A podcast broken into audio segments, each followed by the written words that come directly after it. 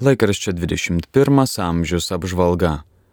Naujausias 21 amžiaus numeris išėjo su keliais priedais, Priede 21 amžiaus horizontai Mindaugas Buika rašo, kad Kongo demokratinėje respublikoje šios šalies sostinės Kinšasos arkivyskupas kardinolas Fridolinas Ambongas Bezungas prieš popiežiaus pranciškaus vizitą apaštalinime laiške pasidžiaugė, kad žinia apie šventojo tėvo atveikimą paskatino didesnį vairių etninių grupių - katalikų, protestantų bei visų geros valios žmonių bendrumą ir sutarimą, o tai teikia vilčių dėl susitaikymo susipriešinimo supriešinimu sužeistoje visuomenėje.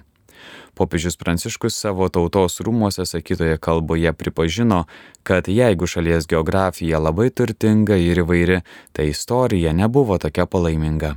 Ir dabar karo draskoma Kongo demokratinė respublika toliau liudyja visoje Afrikoje besitisančius pragaištingus karinius vidaus konfliktus, priverstinės migracijas, bei kenčia nuo baisių užsienio konglomeratų žemės turtų išnaudojimo formų, nevertų žmogaus ir kūrinijos likimo. Popiežius Pranciškus su dideliu apgailestavimu bei pasipiktinimu pripažino, kad daugelio vakarų nacionalinių kultūrų pasąmonėje tebėra išlikusi kolonijinė nuostata, kad Kongo žemėje randamus brangakmenius kaip materialinį turtą reikia visai eksploatuoti ir gauti savo kuo didesnę naudą. Pasak šventojo tėvo, paradoksalu, kad žemės turtai tarsi padarė ją svetimą čionykščiams žmonėms, o godumo nuodai ištepė Kongo deimantus krauju. Vakarų pasaulį dėl šios tragedijos dažnai užsidengiant akis, ausis ir burna. Priedė abipus Nemuno Birutė Neneninė rašo, kad pernai vėlinio oktavoje Alvito parapijos klebonas kuningas Vytautas Kajokas parapijos kapinėse pašventino naują kryžių ant 1944 metais mirusio iš Griškabudžio parapijos kilusio kunigo Antano Baltrušaičio kapavietės. Jį pastatyti pasirūpino greta palaidoto iš plokščių parapijos kilusio kunigo Jonos Prainaičio dukterėčia Kaunietė Marija Bukauskinė. Ji žinojo, kad dėdė prižiūrėjo kunigo Antano Baltrušaičio kapą, bet mirė 1976 metais ir buvo palaidotas šalia. Ir vėliau kunigo Antano Baltrušaičio, kurios jau niekas nebeprisimena kapas, visada buvo prižiūrimas, paremontuojama ir perdožama ant jo stovėjusi Marijos skulptūra. Tačiau laikas ir gamta atliko savo darbą. Tuščia viduris paminklas aižėjo, trupėjo ir išilgai perskilo. Iš plytų sudėtas pamatas sutrunijo. Klebonas varstė. Ir tarėsi dėl skulptūros atnaujinimo, išsiaiškino, kad labai brangiai atseitų stebuklingai su savo pasiūlymu pastatyti paminklą vietoj nykstančios Marijos skulptūros atsirado kunigos Prainaičio giminaitė Marija Bukauskenė kuri tokio savo pasiryžimo nesureikšmino. Padarė tai, ką širdis diktavo. Sakė, kad išėjo pensiją ir dar dirba, tai tuos pensijos pinigus kaupė atskiroje sąskaitoje būtent paminklui. Sakė, jai pragyvenimui užtenka, o ir neturi įpročio iš šalies prašinėti pagalbos. Jo sumanimui pritarė ir vyras, ir dukra, net paskatino.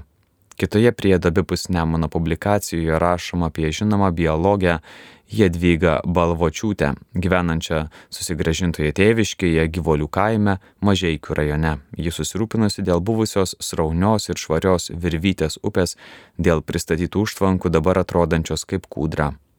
Priedė sidabrinė gyja Birutė Neneninė rašo, kad kai prasideda vasaros šventės ir atlaidai įvairiuose miesteliuose, Albinas Janulaitis skersai išilgai keliauja per visą Lietuvą ir tas šventės filmuoja, padaro įrašus ir išdalina. Dažniausiai niekieno nekviečiamas, neprašomas. Anksčiau nemačiusieji nustemba, kad šiek tiek šlubčiantis, kukliai apsirengęs nepažįstamas garbaus amžiaus žmogus drąsiai prieš sceną pasistato trikojį su kamera ir filmuoja, fotografuoja, o po renginio nepastebimai dinksta. Vieni vaidina jį keistuoliu, kiti metraštininku, o dar kiti operatoriumi Kipsu. Jam pačiam labiausiai patiktų, jei vadintų metraštininku. Rašytojai rašo, o aš darau gyvą metraštį. Tik dėje žmonės nevertina šitų dalykų, o po 50 metų jau klausia, ar turi tokį įrašą po 10-15 metų tų žmonių gyvų nebus, bet įrašas išlieka. Jie toje vaizdajuostėje gyvi, groja, dainuoja, šoka, kalba. Savo pomėgio esmę nusako Albinas Janulaitis gyvenantis Utenos rajone prie Kuktiškių, o kilęs iš Opšrūtų kaimo Vilkaviškio rajone. Jis yra našlys, užaugino penkis vaikus. Priedė už laisvę Vytautas Navaitis varsto, kodėl 1918 m. vasario 16 pasirašytą Lietuvos valstybės atstatymo dokumentą įprasta vadinti aktu, nors jo signatarai pasirašė nutarimą. Priedė žvilgsniai rašoma apie minėtą pasaulinę maldos ir apmąstymo apie priekybą žmonėmis dieną. Lietuvos aukščiausiojo teismo baudžiamųjų bylų skyriaus pirmininkas profesorius Aurelijus Gutauskas pasakoja apie priekybos žmonėmis vaikų ir suaugusiųjų grėsmę. Apžvalgą laikraščio 21 amžius parengė laikraščio redakcija.